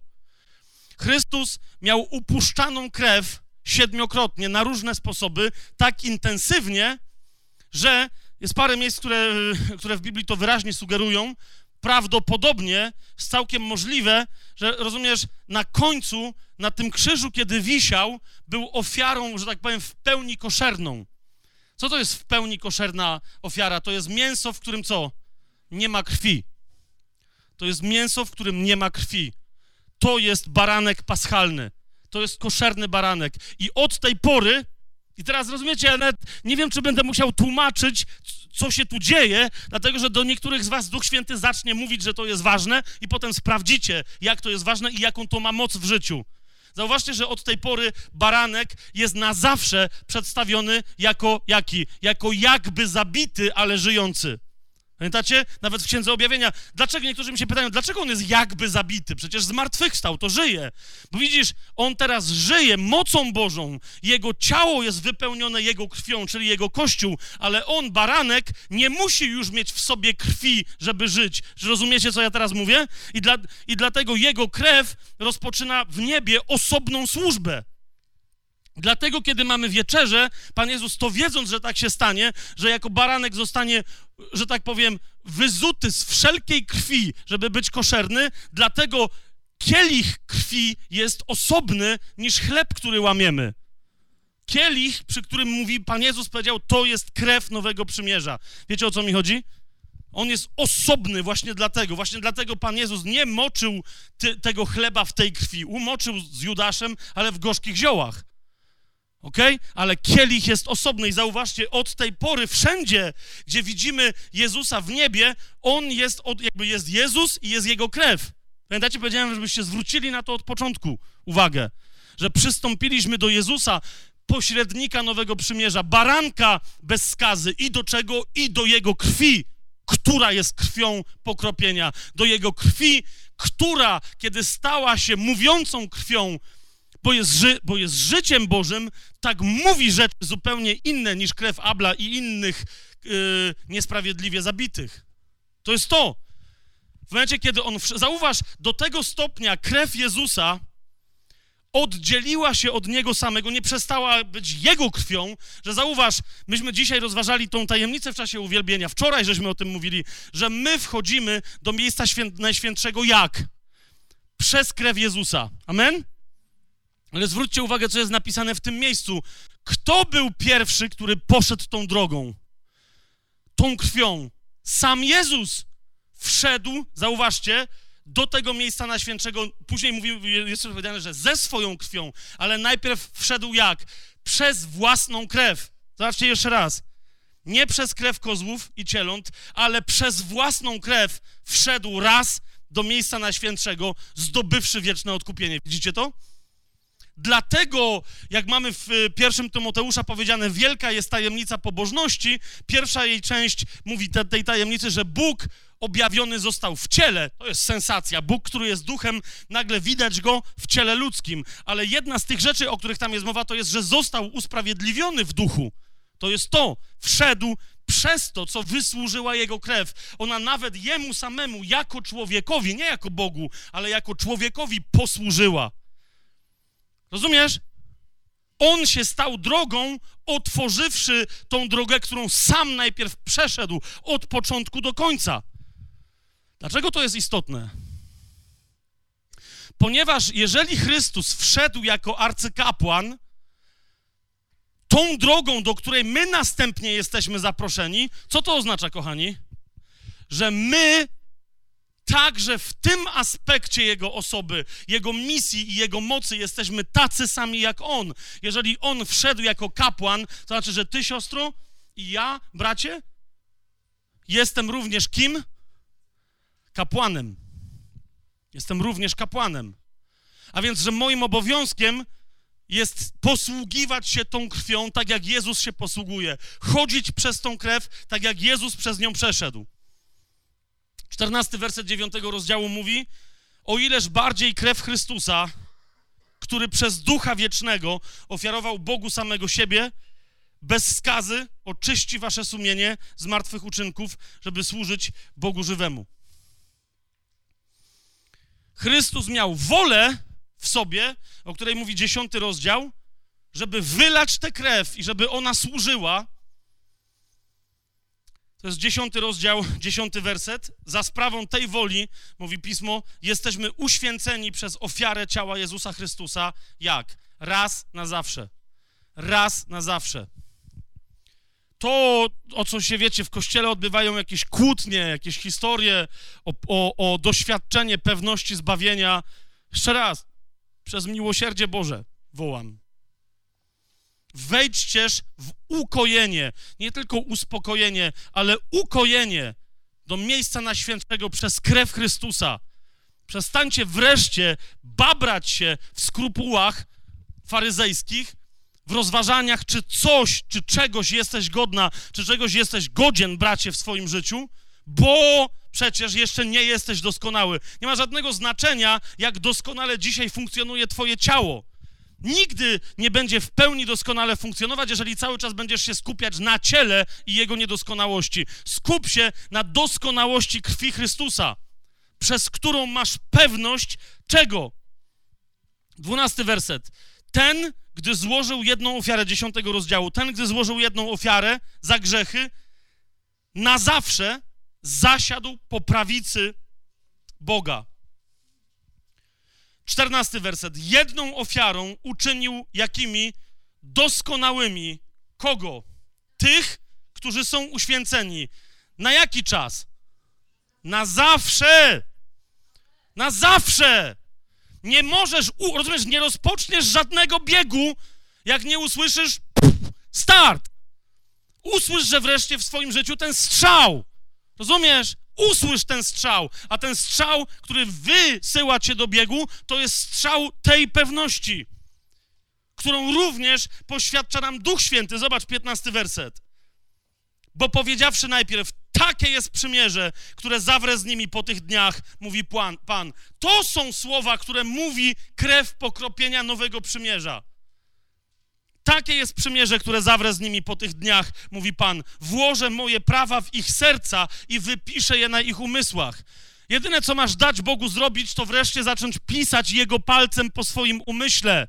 Którzy mówią, bracie, co ja mam zrobić, bo po prostu bardzo chcę przemienić swój umysł. Po prostu daj Bogu działać, ale cokolwiek napisze, zacznij robić i On wtedy napisze następną rzecz, zacznij robić. On niech pisze, a ty rób to, co On pisze. Dlaczego? Bo możesz, bo w końcu możesz, rozumiesz? Tylko zacznij chcieć. Przestań mi gadać, że nie możesz. Wiesz, czego nie mogę? Na razie nie mogę... Muszę sprawdzić, bo może mogę. Chyba bym nie mógł. na razie. Ale na razie dzisiaj bym nie ryzykował. Nie przejdę przez tą ścianę. Wiecie o co mi chodzi? I tu mogę powiedzieć, no na razie nie mogę. Może jeszcze niedługo będę mógł tak jak, ale na razie tego nie mogę. Ale nie mów, nie posługuj się tym samym stwierdzeniem, nie mogę, kiedy mówisz o rzeczach, których tylko nie chcesz, albo ci się nie chce. Po prostu, powiedz, nie chce mi się. No bądź uczciwy. I powiedz, że Bóg na próżno pisze swoim palcem po tablicy twojego serca. To to powiedz. A ale ja nie mogę. Są obiektywne okoliczności. Ściana to jest obiektywna okoliczność dla mojej wątroby. Nie prześlizgnę się. Na razie. A więc takie jest przymierze, które zawrę z nimi po tych dniach, mówi Pan. Włożę moje prawa w ich serca, wypiszę je na ich umysłach, a potem dodaję, a ich grzechów i nieprawości więcej nie wspomnę. A ich grzechów i ich nieprawości więcej nie wspomnę. Jeszcze raz powtórzę, ich grzechów i nieprawości więcej nie wspomnę. Ja wiem, że niektórzy zaraz będą czytać dalej i powiedzą, ale tam jest niepewność zbawienia. Rozumiesz? Jeszcze raz, ich grzechów i nieprawości więcej nie wspomnę. Gdzie zaś jest ich odpuszczenie, tam nie potrzeba już więcej ofiary za grzech. Zgadza się? Pamiętacie, jak jest powiedziane, że jeżeli ktoś się poplącze i odpadnie od wiary i nie ma już dla niego więcej ofiary, z czego to wynika? Z tego! To jest dobra nowina.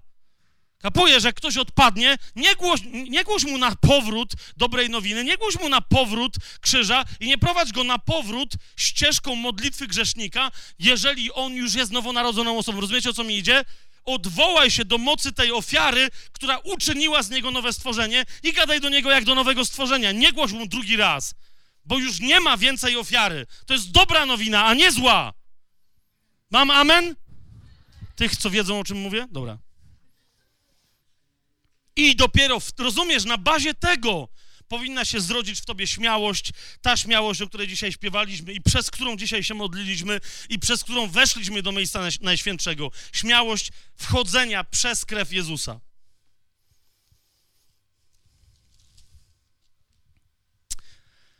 A teraz praktyka, bo jest za 10 pierwsza.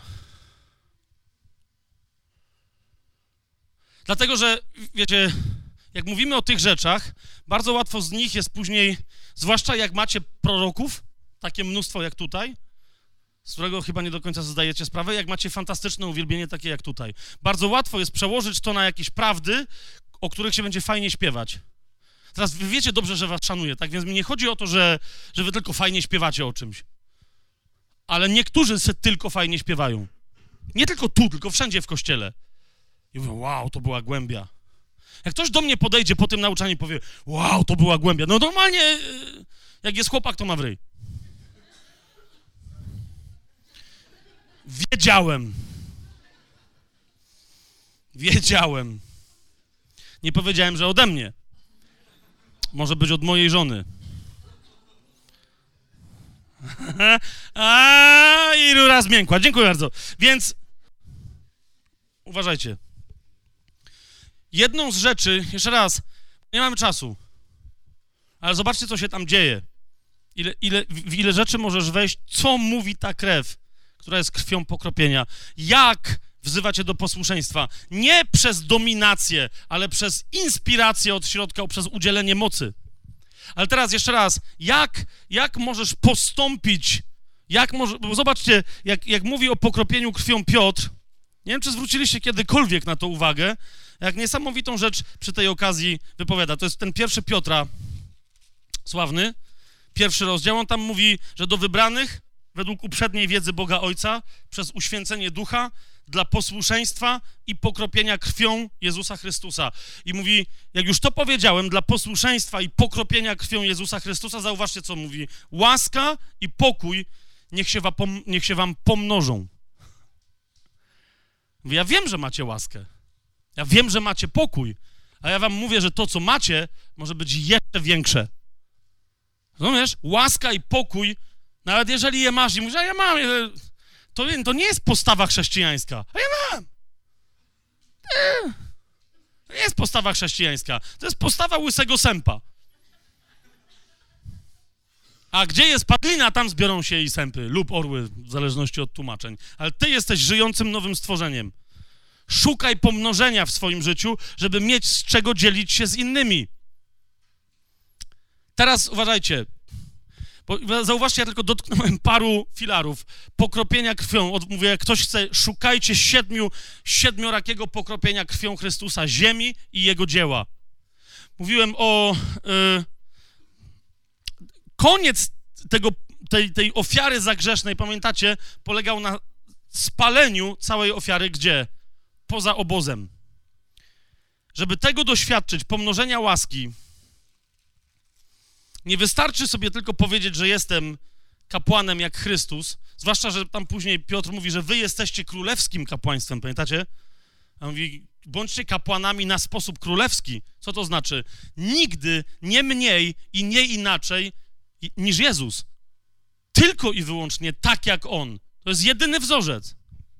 Teraz list do Hebrajczyków mówi wyraźnie, że Jezus nie tylko pokropił, wszedł jak arcykapłan, bo potem ja nawet nie chcę tego, ale sami sobie możecie rozważyć, że wszedł do, do właści, przed właściwy ołtarz w niebie i tam swoją krwią dokonał tego pomazania, które było zapowiedziane przez mazanie y, y, ołtarza kadzenia w świątyni jerozolimskiej. Jezus to wszystko tam, ale to jeszcze raz mówię, każdy z tych aspektów ma swoje głębokie znaczenie, ale aż włącznie z którym? Aż włącznie z tym ostatnim, który mówi, że na samym końcu wysuszony kompletnie i z wody, i z krwi, został przypalony przez słońce poza obozem. To jest koniec listu do Hebrajczyków, 13 rozdział, który mówi, 12 werset, dlatego Jezus, aby uświęcić lud własną krwią cały czas, zauważcie, aby cała jego krew dała życie całemu ludowi, Dlatego Jezus, aby uświęcić lud własną krwią, cierpiał poza bramą. I teraz, jeżeli chcesz się przyłączyć do Chrystusa, jakie masz inne wyjście? Jeżeli chcesz wreszcie zacząć pomnożenia w swoim życiu, tej łaski, która wynika z życia pod pokropieniem, powinieneś, powinnaś być kapłanem Bożym na wzór Chrystusa, który był kapłanem na wzór Melchizedeka. Co to znaczy? List do Hebrajczyków poza wieloma innymi genialnymi sugestiami, poza tym, że list do Hebrajczyków mówi wyraźnie, że nie da się być kapłanem nie wchodząc przez krew do miejsca na świętszego, więc dzisiaj myśmy absolutnie kapłański obowiązek tu wspólnie jako Kościół wykonali. Kto w tej modlitwie wchodzenia przez krew wszedł przez tą krew. List do Hebrajczyków mówi, jest jeszcze, jest jeszcze parę aspektów, o których nie możecie zapomnieć. Od czego jest kapłan, kochani, od czego jest kapłan, żeby składać Bogu ofiary? Ile istnieje ofiar w Nowym Przymierzu, które są należne, abyśmy my składali na wzór Chrystusowy? Trzy. Trzy. O dwóch z nich mówi list do Hebrajczyków, o jednej mówiłem już wczoraj, żeby móc składać te dwie, o których mówi list do Hebrajczyków, które wystarczą, rozumiesz, to jest tylko tyle. Dwie ofiary, one wystarczą, aby się przyłączyć do Chrystusa jako kapłana. Są dwie bardzo praktyczne sugestie Słowa Bożego. Najpierw potrzebujemy złożyć tę jedną ofiarę, która nie tyle Bogu jest potrzebna, co nam, żebyśmy my byli gotowi składać ofiary. A więc po pierwsze, to jest ofiara z czego? Z własnego ciała. List do Rzymian, 12 rozdział. Złóżcie swoje ciała w ofierze, mówi list do Rzymian. Złóżcie swoje ciała w ofierze. Po co? Żebyście wiedzieli, co jest wolą Bożą. I zaczęli wreszcie żyć w swoim życiu tak, jak zawsze chcieliście. Pełnią Jego mocy. To się zaczyna od wejścia pod Jego wolę. Ale jeszcze raz, nie będziemy dzisiaj mówić o, bo, bo po prostu złożenie ciała w ofierze jest po pierwsze aktem duchowym, a po drugie wejściem w to, co Pan Jezus wskazuje, że jest praktycznym ofiarowaniem swojego ciała, na przykład e, w post, yy, rozumiecie, no bo on dotyka bezpośrednio ciała, lub w czuwanie, prze, przedłużone czuwanie nocne, modlitwę, wiecie o co mi chodzi, tak? To wszystko, co bierze w karby nasze ciało, nie chodzi o puste umartwianie ciała, bo to może być, jak mówili Stokolosan, religijność według własnego upodobania, która zaspokaja ciało. Wiecie, jak wiele, wiele religijnych osób uwielbia niszczyć swoje ciała. Widzieliście kiedykolwiek pasję e, Wielkanoc, w sensie Wielki Post i Wielkanoc na Filipinach? Jest cała banda jakichś chłopów, którzy się dają ukrzyżować i tam, a potem wszyscy im mówią, wow, ten wytrzymał, a ten nie wytrzymał i się zesikał i tak dalej. No bo, y, rozumiecie, jak cię przybiją do krzyża, to tam się różne rzeczy dzieją, tak? Więc to jest po prostu, ale oni tam co robią? Próbują siebie i demonstrują innym, że ja byłem silniejszy. My mamy tak składać Bogu swoje ciała w ofierze, jak Bóg chce, żeby one były składane. Dwa, Jeszcze raz zauważcie, że list do Hebrajczyków wyraźnie mówi, że jeżeli my chcemy doświadczyć pełni błogosławieństwa, które płynie z pokropienia, powinniśmy zrobić dokładnie to samo co Chrystus, a więc przyłączyć się do jego pohańbienia, właśnie tam za obozem. Zobaczcie, 13 rozdział listu do Hebrajczyków. Dlatego i Jezus, aby uświęcić lud własną krwią, cierpiał poza bramą. Wyjdźmy więc do niego, poza obóz, biorąc na siebie jego pohańbienie póki on nie wróci w chwale i my sami nie doświadczymy chwały. I tu mówi, jak to zrobić praktycznie, dwie konkretne ofiary. To jest 15 i 16 werset. Po pierwsze, przez Niego, nigdy z siebie samego, ale zawsze tylko i wyłącznie przez imię Jezusa Chrystusa, przez Jego krew. Bo cały ten list o tym mówi, tylko i wyłącznie przez Jego krew, przez Jego ciało i przez Jego imię. To znaczy, przez Niego więc nieustannie składajmy Bogu ofiarę chwały. Co jest ofiarą chwały? To jest owoc warg, które wyznają na głos Jego imię. Ja rozumiem, że macie uwielbienie tutaj co środę, co piątek, co niedzielę, co kiedy tam macie, ale jak nie będzie uwielbienia w kościele, albo ciebie nie będzie w kościele, czy wielbisz Boga na głos, wyznając Jego imię? Jak uczniowie zapytali Jezusa, jak się mamy modlić, on powiedział: Pierwsza rzecz, jaką się macie modlić, to jest niech się święci co? Imię Twoje. Ojcze nasz, któryś jest w niebie, jesteś w niebie, niech będzie uświęcone, niech będzie uwielbione w czysty, najświętszy sposób Twoje imię.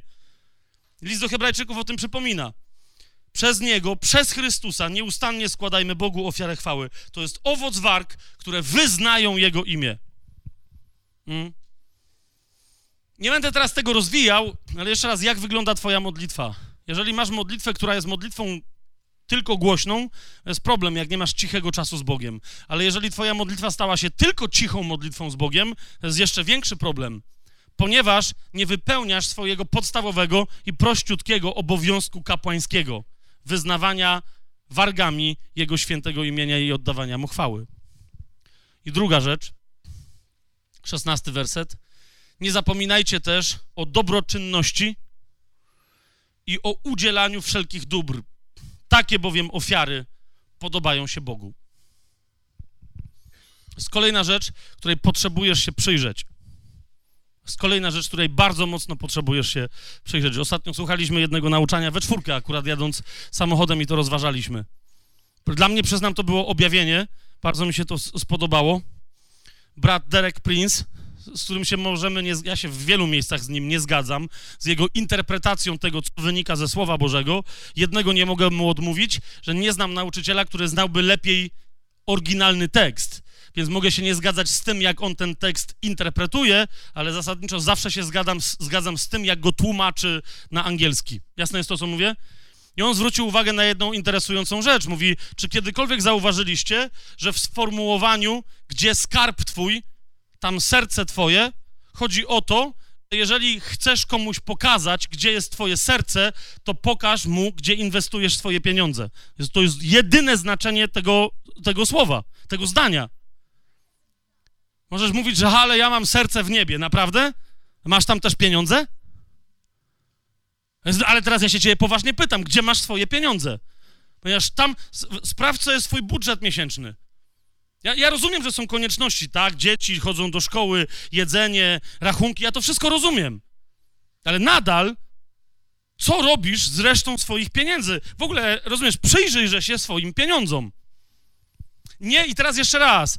To nie jest nauczanie, na to, bo już składka była. Więc rozumiecie, ja się czuję swobodny w tym temacie. Ale to nie jest w ogóle nauczanie na temat składki w kościele. Zwłaszcza, że moje pytanie brzmi, jeżeli jesteś kapłanem Bożym, teraz zaczyna ci to świtać i rozumiesz, że akt dawania pieniędzy jest aktem ofiary kapłańskiej nowotestamentowej, dzielenia się wszelkimi dobrami. To nie, jest, to nie są tylko pieniądze, ale tu się to zaczyna. To jest moje pytanie, czy zawsze, kiedy dajesz w niedzielę na tacę, e, w zboże, na składkę, czy to jest ofiara? Czy po prostu dajesz, bo się daje w niedzielę? Mam wrażenie, że większość chrześcijan w, w tym konkretnym momencie w niedzielę najbardziej grzeszy w tygodniu. No nie wypełniają wcale woli Bożej, wypełniają jakiś ludzki zwyczaj. Rozumiesz? Matka Davida Wilkersona, ono dawało o tym świadectwo, mówi, że ona nigdy nie dawała na tacę w kościele, przynajmniej tak mu się wydawało. I jak kiedyś postanowił ją przydybać, co ona z pieniędzmi robi, odkrył, że kobiecina, która zarabiała, on mówi, że jak po miesiącu udało się jej odłożyć 10 dolarów, to było wszystko. Obczajcie to. Po miesiącu pracy, jak jej się udało odłożyć 10 dolarów, to było wszystko. Mówi, że i tak codziennie rozważała, kiedy będzie miała te 10 dolarów, na co je poświęci. Bogu. Rozumiecie, gdzie po prostu jedna z pierwszych rzeczy, jak wstawała, uwielbienie do Ojca, a następnie pytanie, Ojcze, gdzie chcesz, abym złożyła Ci ofiarę z tego pieniądza, który mam? 50 centów. Wczoraj przyszła do mnie dziewczynka. Po, po wczoraj, po całym, po całym dniu, nie wiem, kto z was, ktoś z was przy tym był, e, przyjąłem to jako absolutnie proroczy akt na dzisiejsze nauczanie też. Mianowicie wyciągnęła, włożyła rękę do kieszeni, ta trzylatka taka z Berlina, wyciągnęła pieniądz, stanęła przede mną i mówi, masz. Po wszystkim. Ja myślę, okej, okay, dziecku będę brał pieniądze, ale tak patrzę jej w oczy, rozumiecie, a ona twardo i obok stoją rodzice, tak? Nic nie mówią, ale wi widzę, że nie ma dezaprobaty. No i patrzą, ja mówię, okej, okay, biorę ci to. Ja mówię, masz. Więc wziąłem. Ja ona dalej patrzy. Wziąłem, rodzice też stoją, patrzą. Ja mówię, to jest 10 centów, 10 eurocentów. Wziąłem do kieszeni i mówię, przyjaciółko, spotkamy się, jak będziesz wchodziła do nieba.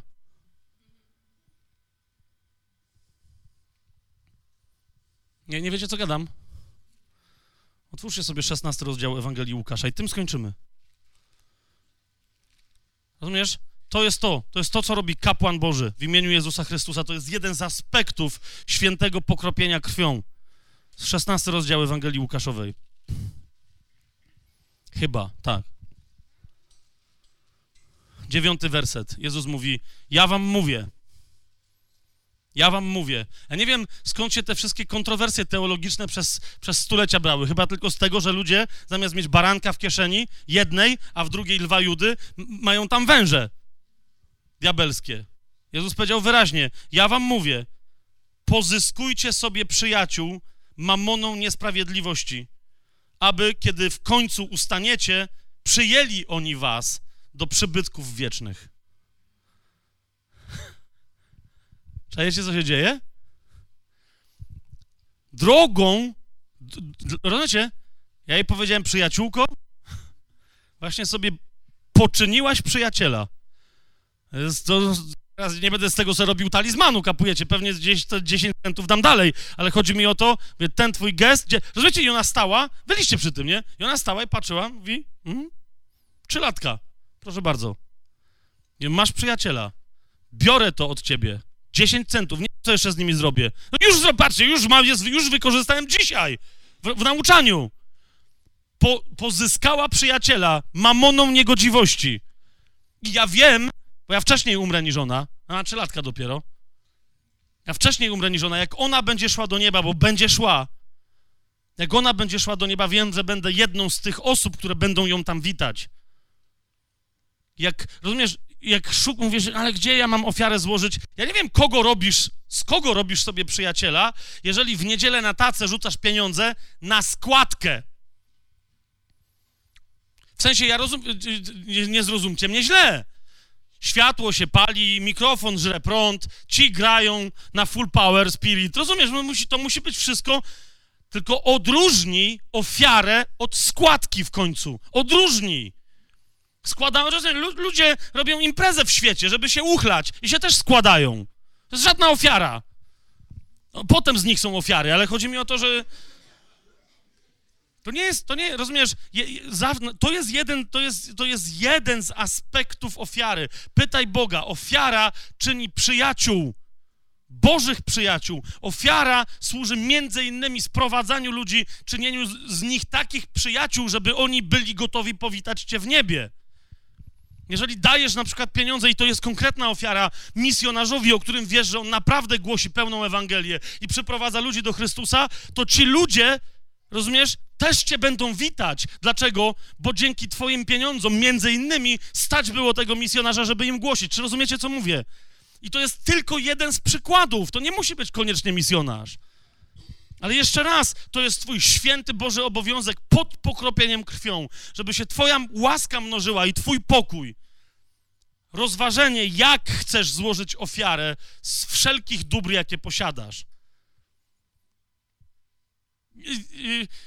Jak ktoś mi mówi, że jest, że jest potężnym kapłanem Bożym i chodzi pod mocą, a potem widzę, że ma trzy szafy ubrań, są takie siostry, ale to zawsze były. Chodzi mi o to, że są też tacy bracia teraz. Przyjrzyj się swojej szafie. O ile się założymy, że masz pełną szafę, a z niej i tak, zwłaszcza do chłopów teraz mówię, a, a z tej szafy i tak korzystasz, na przykład, rozumiecie, ja nie, nieważne jak, ja nie wiem jak to jest, nieważne jak żona upierze tam jakieś rzeczy, ja i tak zawsze chodzę w trzech tych samych koszulkach. Nie, nie wiem jak to jest, czasem jeszcze plus dwie ekstra, zawsze elegancko są wyprane, ale tam jest ich więcej, jest dziesięć. Jak masz 10 koszulek, chodzisz w trzech, to weźże 7 daj komuś. Naprawdę. Naprawdę. Zobacz, ile masz po domu rzeczy, które po prostu już ci do niczego nie służą, tylko leżą. I może, a, jeszcze się kiedyś przydadzą. Przestań, jest diabelskie podejście do rzeczywistości. Złóżże Bogu ofiarę. Rozumiesz? Jak, jak mówię, ale komu ja mam dać telewizor? No telewizor to jest dobra rzecz dodania. Jest dobra rzecz dodania. Sugestia moja? zapytajcie kogoś, czy nie chciałby na przykład w teledysku hip-hopowym rozwalić telewizora. To jest, to jest dobre miejsce. Masz bardzo drogi, jakąś super plazmę, elegant, to jest właśnie to. Rozumiesz, żeby bo chłopaki tam lubią wyczesane rzeczy, to musi być, rozumiesz, to musi być bogate, nie jakieś tam dziadostwo. Więc daj mu telewizor za 60 tysięcy, niech go rozwali. Jest dobre miejsce, nie żeby ktoś inny y, się, rozumiesz, bezcześcił przy pomocy tego telewizora zamiast ciebie, to nie o to chodzi. Pra... Rozumiesz, Przejdź, jeżeli masz głębokie doświadczenie mistyczne, duchowe, jakkolwiek go nazywasz, przejdź z niego do praktyki życia codziennego, bo jeżeli nie, po na przykład takiej modlitwie, jak dzisiaj mieliśmy, wiecie o co mi chodzi? Po takiej modlitwie jak dzisiaj, nie wyjdź stąd, dopóki nie zapytasz Pana, Panie, co konkretnie mam teraz zrobić w swoim życiu. Bo ja bym się chciał przez najbliższe 40 lat unosić 15 centymetrów ponad chodnikami przy pomocy Ducha Świętego, Ja bym chciał, rozumiecie, i tak czekać na Pana Jezusa, cały czas w uwielbieniu. Ale sęk w tym, i to też Bogu dzięki za to, że nie tylko uwielbienie nas czeka, ale również służba. Amen? Więc pytanie brzmi, jak ty masz, nie jak ci się wydaje, że dzisiaj masz ochotę usłużyć, ale jak ty masz usłużyć, bo Bóg od dawien dawna, zanim świat założył, ciebie wymyślił, a jak ciebie wymyślił, to dla ciebie przewidział rzeczy, które tylko ty możesz zrobić. Pytaj Pana. Masz dobra w swoich rękach, duchowe i materialne. Jak masz się nimi podzielić? Jak masz nimi pobłogosławić innych? W jakim wymiarze? Jeszcze raz, jeszcze raz. Jak ludzie mówią, że chodzą wiarą i są w niebie, zawsze ich pytam, czy mogliby mi oddać portfel. Jak słyszę, wiecie, rozumiecie, ludzi, o mój tatuś, mój tatuś jest, o człowieku, tatuś, wyskakuj. Z czego? Z wszystkiego najlepiej, sportek z wszystkiego. Tatuś to jest ktoś, kto, kto nie pozwoli ci chodzić z gołym tyłkiem. Tak? Więc wyskakuj z wszystkiego. Nie, nie, zaraz, zaraz, ale będziemy... E, no, no to... Nie chodzi mi o to, że żadna nikomu bym portek nie wziął, kapuję, zwłaszcza, że na mnie to jest trudno dopasować, ale... Ale chodzi o to, że przestań wreszcie pływać w emocjach, mówiąc, o, jak bardzo Bóg mnie kocha, tylko zobacz, jak bardzo rzeczywiście żyjesz tą Jego miłością i wiesz, że dostaniesz zaopatrzenie. Po prostu. Zobacz, ile jesteś w stanie dać w momencie, kiedy duch cię dotyka i powie daj. Niekoniecznie pieniędzy. Masz coś cennego. I Bóg mówi daj. Ja bo ostatnio powiedziałem Bogu, mówię, Boże, a ja już bym w zasadzie wszystko dał. I usłyszałem, jak zawsze, kocham Ducha Świętego. To jest genialny, taki, nie, nie mogę powiedzieć, że Duch Święty jest genialnym trolem. To by było trochę... Młodzi zrozumieją, ale cała reszta, to nie, w sensie, wie, wiecie, co to jest troll? Potem wyjaśnicie innym, ok? To jest ktoś, kto wkręca innych, coś gada, prowokuje, a potem Duch Święty często taki jest. Ja mówię, ja mówię, w, w, mówię ojcze, w Duchu Świętym ci mówię, naprawdę, ja, ja ci wszystko oddaję. I, I miałem takie, ale wiesz, że jakbym, jak oddajesz, a jakbym poprosił, to dasz? Mówię, że no pewnie, że tak. I za, za sobą dosłownie, prawie, no nie dosłownie, ale w sensie, jak, jakby słyszę Ducha Świętego, który robi Dosłownie coś takiego. Ja mówię, Duchu Święty, ale no naprawdę. Mówi, naprawdę? Mówię, no naprawdę. No co, czego bym nie dał? I spojrzałem na moje pismo przed sobą. Dlaczego? Bo, bo tu mam już sporo, nie, od niedawna mam ten akurat egzemplarz, ale tu mam sporo notatek, których nigdzie nie mam. Wiecie, o co mi chodzi? Ja mówię, dałbyś? I mi ręka zadrżała. Mówię, no okej, okay, ale pismo. I Duch Święty. Wiesz o co mi chodzi? Wiesz o co mi chodzi? Wyjdźmy stąd pokropieni krwią Chrystusa. Gotowi w praktyce zaraz usłużyć nie tam, gdzie sobie myślimy, że, ale tam, gdzie Duch Święty nam pokaże. Amen? Kocham was.